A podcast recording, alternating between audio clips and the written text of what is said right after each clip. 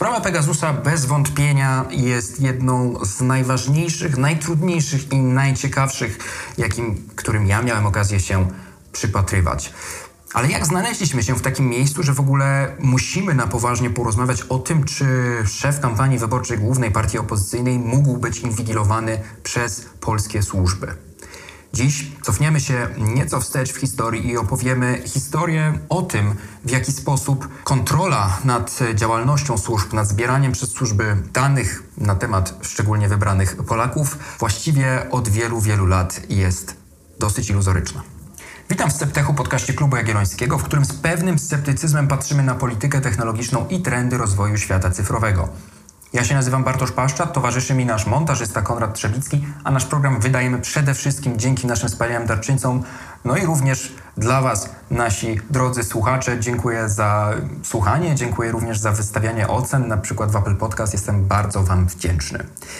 A dzisiaj moim gościem ponownie jest Wojciech Klicki, przedstawiciel Fundacji Panoptykon, organizacji, która, e, co o czym już rozmawialiśmy w poprzednim odcinku, od wielu lat e, próbuje patrzeć na ręce, na poczynania służb, na to, w jaki sposób wygląda regulacja dotycząca kontroli operacyjnej w Polsce. Cześć Wojtku.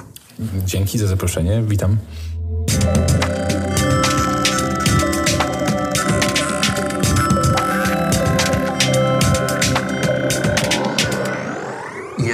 Wspomnę, ten odcinek również nagrywamy 20 stycznia 2020 roku. Sprawa jest dynamiczna, więc uprzedzam, że być może w momencie, w którym go słuchacie, wiecie już trochę więcej niż my. A żeby zrozumieć, dlaczego zbieranie przez służby informacji o polskich obywatelach pozostaje poza taką realistyczną kontrolą, musimy cofnąć się wstecz. I to wcale nie o rok, dwa czy pięć lat.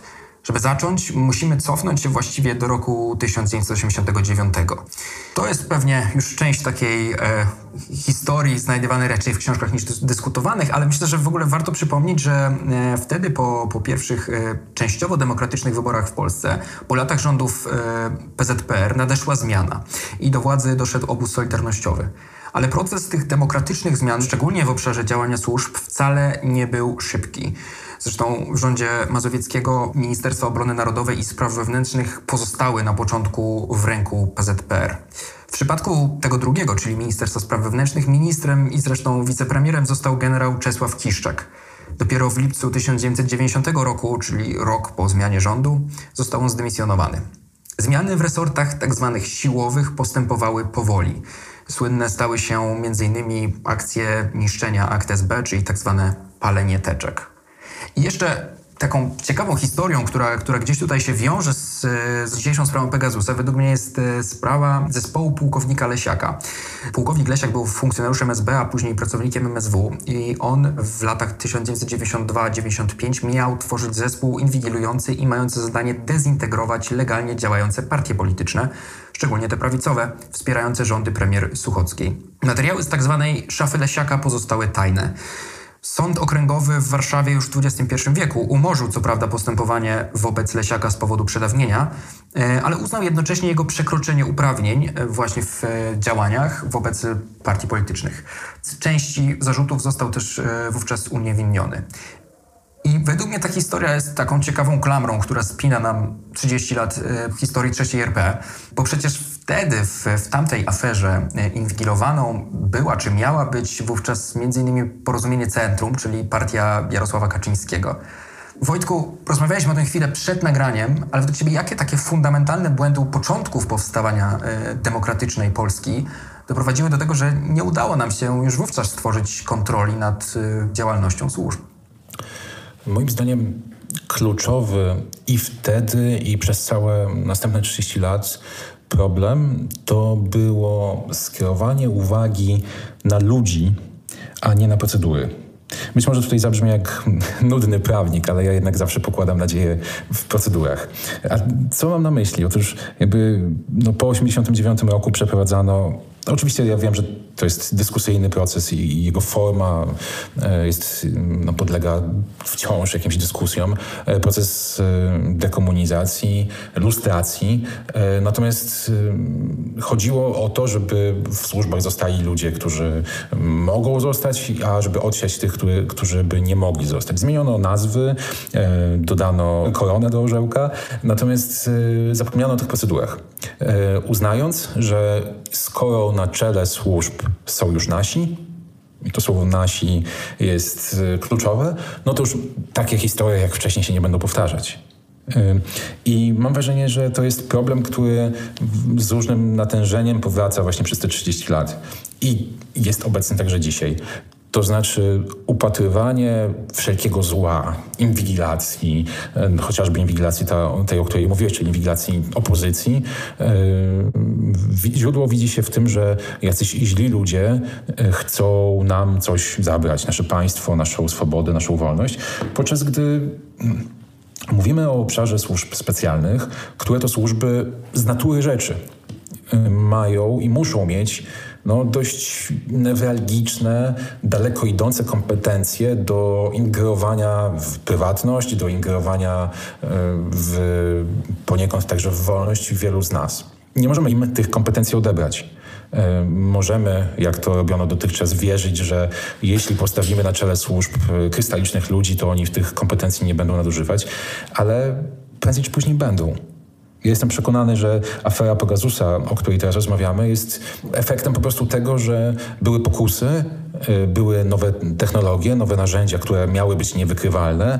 W związku z tym z nich skorzystano. Mm, I tyle. Y, to cały czas jest ta sama historia. Czyli według Ciebie brakowało pewnego procesu, który by wprowadził takie, mm, takie możliwości sprawdzenia, czy takie punkty weryfikacyjne, gdzie trzeba byłoby coś udokumentować, coś pokazać na papierze, ktoś musiałby wyrazić zgodę. E, takie akcje zawsze wywołują znaki zapytania u osób, które muszą się podpisać i wiedzą, że mogą być ewentualnie pociągnięte do odpowiedzialności. Dokładnie. Chodzi o to, żeby w głowach tych funkcjonariuszy była nie tyle hamulec, który spowoduje, że będą nieskuteczni, ale był taki dzwoneczek, który pokazuje uważaj, musisz działać stricte wprost, e, zgodnie w ramach prawnych, które, które umożliwiają ci inwigilację w określonych sytuacjach, bo jeśli te uprawnienia przekroczysz, to prędzej czy później będzie ktoś, kto się tego dowie i ryzykujesz chociażby własną odpowiedzialnością dyscyplinarną, czy nawet, e, nawet karną. I jeszcze tylko jedną rzecz... Gdzieś ten papier z twoim nazwiskiem po prostu jest. Moim zdaniem można tę, te 30 lat pokazywać jako pewne kontinuum, gdzie cały czas brakuje kontroli, cały czas mówimy o tym, że nasi by tacy nie byli źli jak ci inni. Natomiast y, to jest jeden, jedno spojrzenie. Drugim spojrzeniem jest to, że przez te 30 lat technologia bardzo mocno poszła do przodu. I zacząłeś od szafy Lesiaka, w której były teczki e, zakurzone, w których trzeba było te kartki przerzucać, coś, e, czegoś tam szukać, a dzisiaj mamy Pegasusa, który pozwala zdalnie włączyć kamerę, zdalnie włączyć mikrofon. A to jest zupełnie inny, inna rzeczywistość. E, w związku z tym... Te dane mieszczą się na małym dysku, który też łatwiej przekazać e, w praktyce albo zniszczyć, e, zutylizować. Tak, tak, oczywiście zdalnie on się, zdalnie można coś przeszukać. Nie opiera się to na pamięci jakiegoś funkcjonariusza. W związku z tym, tak na to patrząc, błędy, które popełniono wtedy, nie tworząc silnej, niezależnej y, zewnętrznej względem służb kontroli nad ich funkcjonowaniem, dzisiaj nie tylko y, są, jakby, się jakby potęgują, bo ryzyka związane z technologią są coraz większe. To przenieśmy się w nieco świeższe czasy yy, i rozwiniemy ten, ten wątek właśnie 30 lat yy, niedostatecznej regulacji kontroli nad, nad służbami. W lipcu 2014 roku Trybunał Konstytucyjny wydaje wyrok, w którym stwierdza, że niekonstytucyjna jest część podstaw prawnych kontroli operacyjnych. Brak jest niezależnej kontroli pobierania danych telekomunikacyjnych przez służby, brak zasad niszczenia podsłuchów osób zaufania publicznego, obowiązku niszczenia przez służby danych nieprzydatnych. Polecono też określić maksymalny czas trwania czynności operacyjnych. Trybunał Konstytucyjny odroczył wejście wyroku w życie o 18 miesięcy. Czyli przy braku nowelizacji istniejącej ustawy w dniu 7 lutego 2016 roku służby w Polsce utraciłyby możliwość zbierania danych w ogóle. Czy ten wyrok według Ciebie mógł być przełomem? Na pewno był przełomem o tyle, że Trybunał Konstytucyjny zakreślił pewne mm, ramy, które i wskazał pewne standardy, których realizacji od ustawodawcy oczekuje. Aczkolwiek też nie chcę tutaj y, mówić, że ten wyrok był taki wspaniały, ponieważ mam też dużo zastrzeżeń do tego, y, jak Trybunał rozstrzygnął pewne kwestie, jak wiele czasu zostawił ustawodawcy i dość nisko, koniec końców, zawiesił poprzeczkę y, ustawodawcy, ale mimo tej nisko zawieszonej moim zdaniem poprzeczki, no to te 18 miesięcy od lipca 2014 do lutego 2016 roku upłynęło dość lekko, cicho i spokojnie. Tak, lekko, cicho i spokojnie. Właśnie, bo y, ciekawe jest to, co się później dzieje. Y, rządząca jeszcze wówczas koalicja PO-PSL dopiero jakoś przed y, wyborami przedstawia wprowadzony przez senatorów projekt nowelizacji tej ustawy. On nie jest procedowany, czy nie udaje się go przeprowadzić przez ścieżkę legislacyjną aż do wyborów, więc to kukułcze jajo wyroku Trybunału z terminem przydatności do spożycia, moglibyśmy powiedzieć, pozostaje e, nowym zwycięzcą wyborów, czyli Prawu i Sprawiedliwości, czy szerzej mówiąc Zjednoczonej Prawicy. I wtedy dzieje się chyba bardzo ciekawa rzecz, bo posłowie e, czy przedstawiciele PiS jeszcze w czasie, kiedy to PO prezentowała e, senatorski projekt, to krytykowali go z racji tego właśnie, że on e, i tak na za dużo pozwala służbom i ten projekt po prostu nie jest dobry. Natomiast po wygranych wyborach, mając od listopada do lutego 4 miesiące, to PiS wniósł właściwie identyczny czy bardzo, bardzo podobny projekt ustawy do tej przedstawionej przez PO parę miesięcy wcześniej. Projekt przyznawał właśnie nawet koordynator służb specjalnych Mariusz Kamiński, że jest ze względu na brak czasu niemal identyczny z krytykowanym wcześniej przez PiS projektem PO. No i ta sytuacja pewnie byłaby komiczna, gdyby nie była w sumie smutna. Najpierw PO proponuje, potem PiS krytykuje, następnie następuje wręcz zamiana ról. No, zobacz, jak to pięknie pokazuje to, o czym mówiłem w przed chwilą. Tą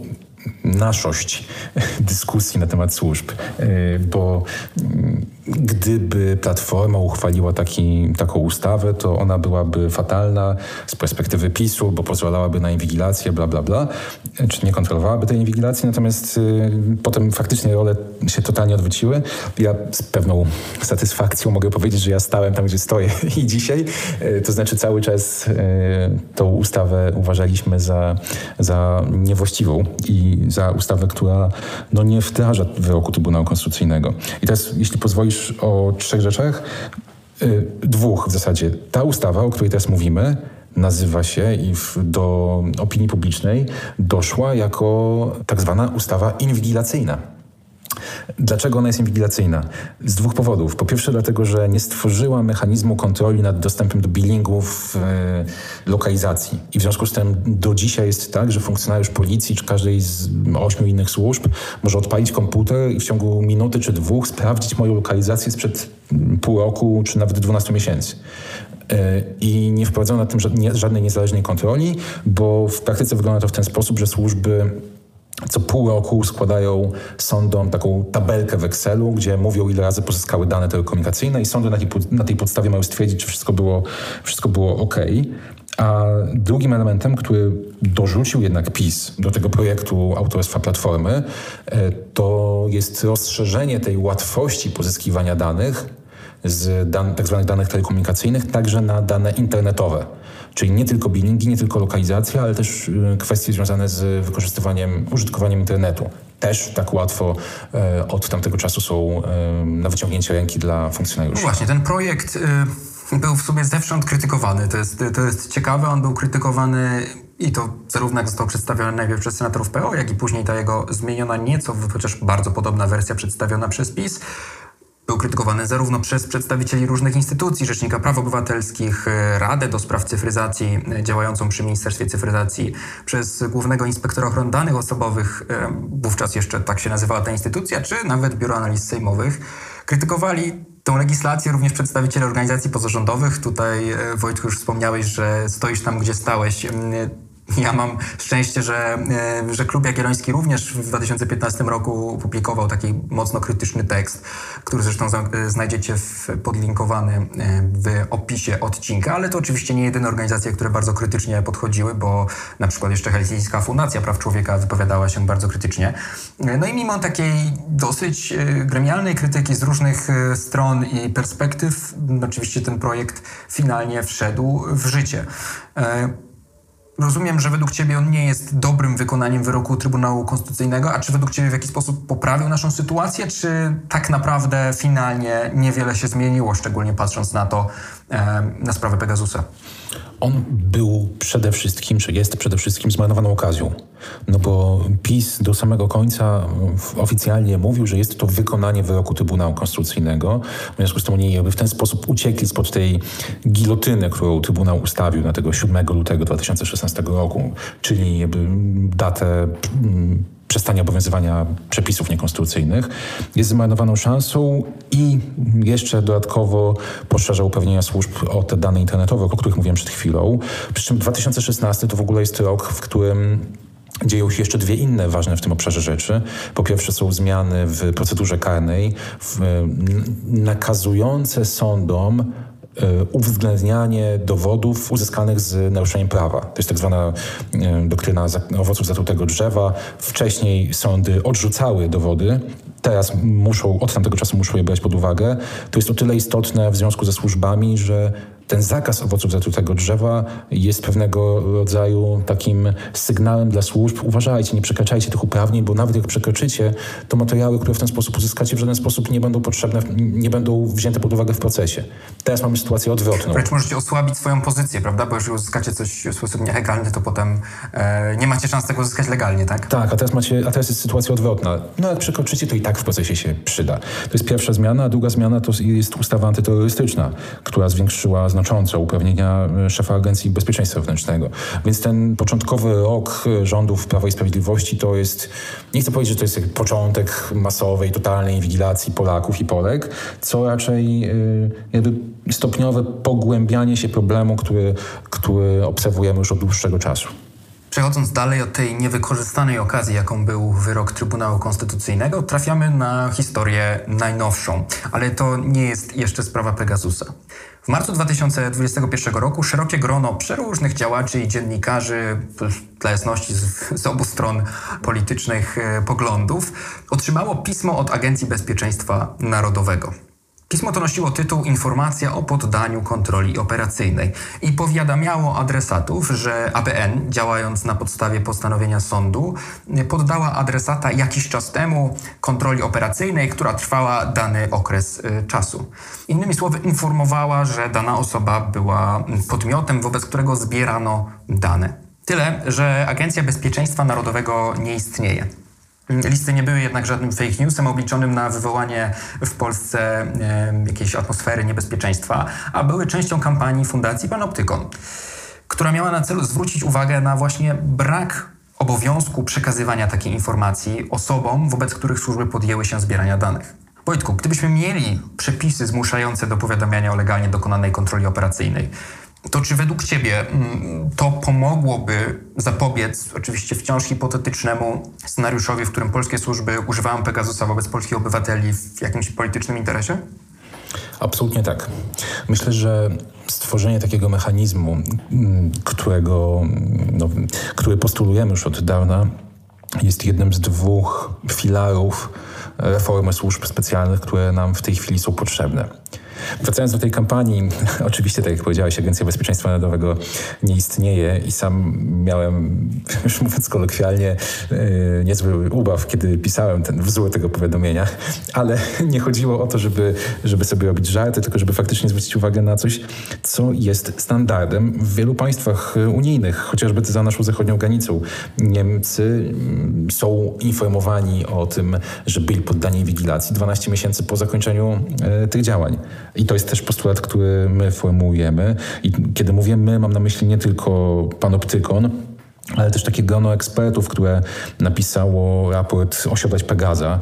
E, to był raport stworzony pod auspicjami byłego Rzecznika Praw Obywatelskich, którego autorami są nie tylko ludzie związani z organizacjami takimi jak Panoptykon, ale także ludzie, którzy kiedyś byli związani ze służbami specjalnymi, co jest bardzo istotne, bo pokazuje, że można stworzyć taki mechanizm w sposób, który nie wybija służbom zębów, który pozwala służbom wciąż skutecznie działać.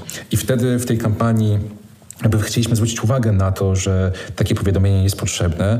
Dzisiaj afera związana z Pegasusem pokazuje mi, że yy, Rozmawiamy o, o Blaze'ie, Giertychu i Wrzosek, dlatego że oni się dowiedzieli.